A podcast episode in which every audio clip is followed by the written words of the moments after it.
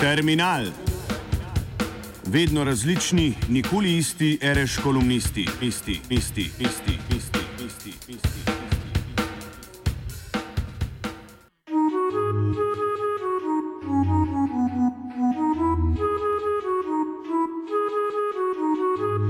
Pred časom je pri založbi Princetonske univerze, ki ima med akademskimi izdajateljskimi hišami, vsaj na področju historiografije, brščas najgostejše in najobčutljivejše sito, zagledala luč sveta obsežna študija Jamesa McAdamsa o komunistični partiji kot edinstveni obliki politične organizacije.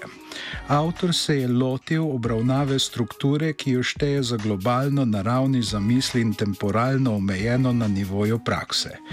Iz Mekademsove študije bi bilo mogoče izcediti sklep, da je bila komunistična partija organizacijska forma, ki je mogla zagotavljati uspeh čisto določeni politiki. Njen temelj je bilo prepričanje, da je kvalitativno povsem drugačna od vseh ostalih tovrstnih prizadevanj, vendar je bila učinkovita le v nekem obdobju. Kot taka naj bi bila danes v drugačnih časih že docela zgodovinski pojav. Pri tem posamične okoliščine za uveljavitev in uspeh komunistične partije naj sploh ne bi bile tako zelo pomembne, kakor sama epoha. Analogni dobi pač ustrezajo določeni tipi organizacij, digitalni pa drugačni. Komunistična partija je bila v izteku prve od njih zelo uspešna, medtem ko je prehod v drugo njen solarni sistem od okusine najpomembnejši finski trabant v njem je s to slikovito formulo označil institucionalizirani red, ki se mu je zapisal vrgel iz tira.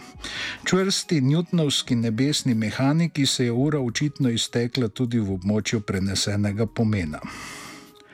Komunistična partija je samo svojo strukturiranostjo, ki je bil cilj prodreti vse pore življenjske stvarnosti, vplivala na mentaliteto epohe. Vsaj per negacionem je zaznamovala tudi drugačne politike.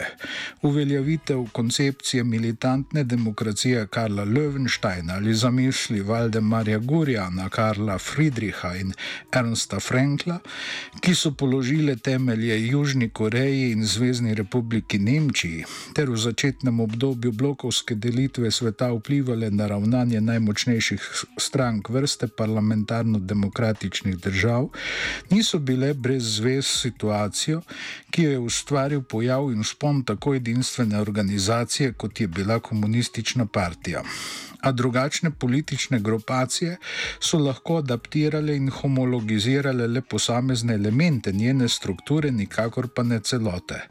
Nobena od njih, denimo, ni niti za hip postala planetarna, hierarhično strukturirana organizacija, kakor kominterna, ki je od svoje ustanovitve do razpusta delovala kot svetovna stranka. Poznaje vlogo slednje prevzel vzhodni blok, v katerem so imeli posamezne države zelo močne mednarodne službe.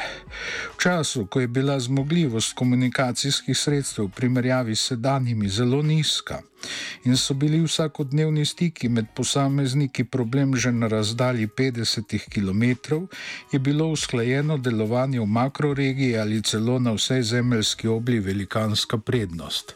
Komunistična partija je zato lahko zabeležila niz uspehov in prevzela oblast nad razsežnimi prostranstvi in več sto milijonskimi množicami ljudi.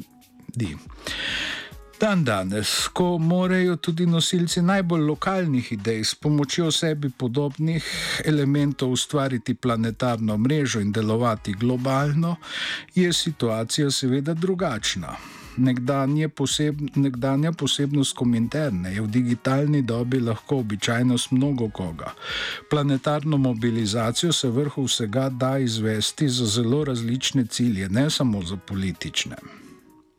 Seveda pa komunistična partija zaradi svoje planetarnosti ni doživljala samo uspehov. V Weimarski Nemčiji je bila prav zaradi nje popolnoma poražena. Kot zgolj sekcija svetovne stranke, tamkajšnja partija ki se je ob razmeroma velikih odporih prilagodila najprej schemam ruskih bolševikov, na to pa še njihovemu vrhu z Josifom Visarjonovičem Stalinom na čelu ravnala po direktivah iz Moskve.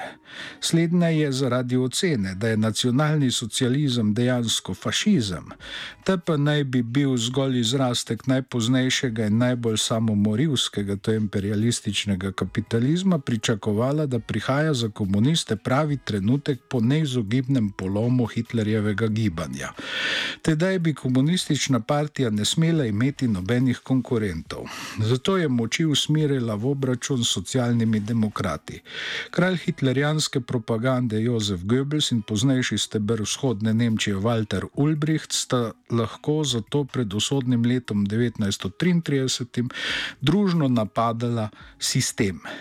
Ni jima bilo nerodno niti skupaj zborovati. Socialdemokrati, ki so poleg katoličanov veljali za najmočnejši stebr leta 1918 porojene Nemške republike, so se tako znašli v najskrižnem ognju. Po njih so na vso moč streljale propagandne baterije Josefa Goebbelsa, monarhističnega tradicionalista Alfreda Hugenberga in carja komunističnega tiska Vilja Münzenberga. Za hitlerjance in konservativce so bili socialdemokrati izdajalci, ki so ob koncu Prve svetovne vojne zasadili armadi cesarja Viljama nošu hrbet. Za komuniste pa so postali socialfašisti.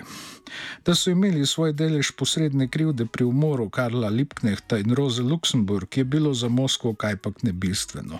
Politika v svojem aktualnem dogajanju tako ali tako ni zgodovina. V tvorni obliki se dela iz in zaradi sedanjosti. Za prihodnost zgodovina jo potem samo arhivira in jo naredi za takšen ali drugačen primer.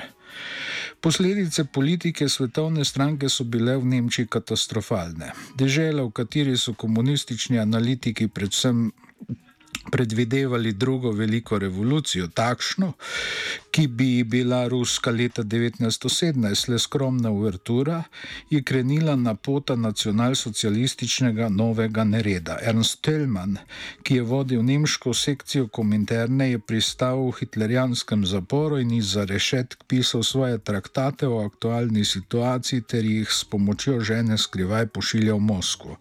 Do danes se v ruskih arhivih ohranilo 24 njegovih pisem Stalinu iz let 1939. 41, ki so ne mara najzanimivejše zaradi posvajanja oziroma anticipiranja nacionalsocialističnega slovarja. Telman se je hudoval nad plutokratsko Anglijo in razglabljal o totalni vojni, še preden jo je Goebbels februarja 1943 javno razglasil. Sovjetski tovariši, ki so bili poznani Stalinovi krilatici ljudje posebnega kova, pa ob tem niti v času veljavnosti svojih javnih in tajnih sporazumov s Hitlerjem Britanci niso naredili nič učinkovitega za to, da bi ga rešili iz ječe. Komunistična partija je tedaj očitno delovala kot behemot, ki ne čuti niti tega, če stopi na lasten rep ali se ugrizne v jezik oziroma ustnico. Seveda so vse omenjene peripetije le ilustrativni primer za to, kar je treba misliti in reči. Kmalo bodo podobne študije, kot jo je napisal McAdams, namenjene tudi drugim organizacijskim strukturam iz analogne dobe.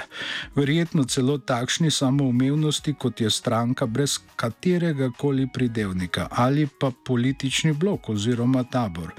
Organizacijskega problema digitalne dobe pa zaenkrat ni zadovoljivo rešil še nihče. Tudi ko ga bo, bo prej ali slej o tem mogla nastati študija kakršna je že posvečena komunistični partiji. Terminal je pripravil Igor Grdina.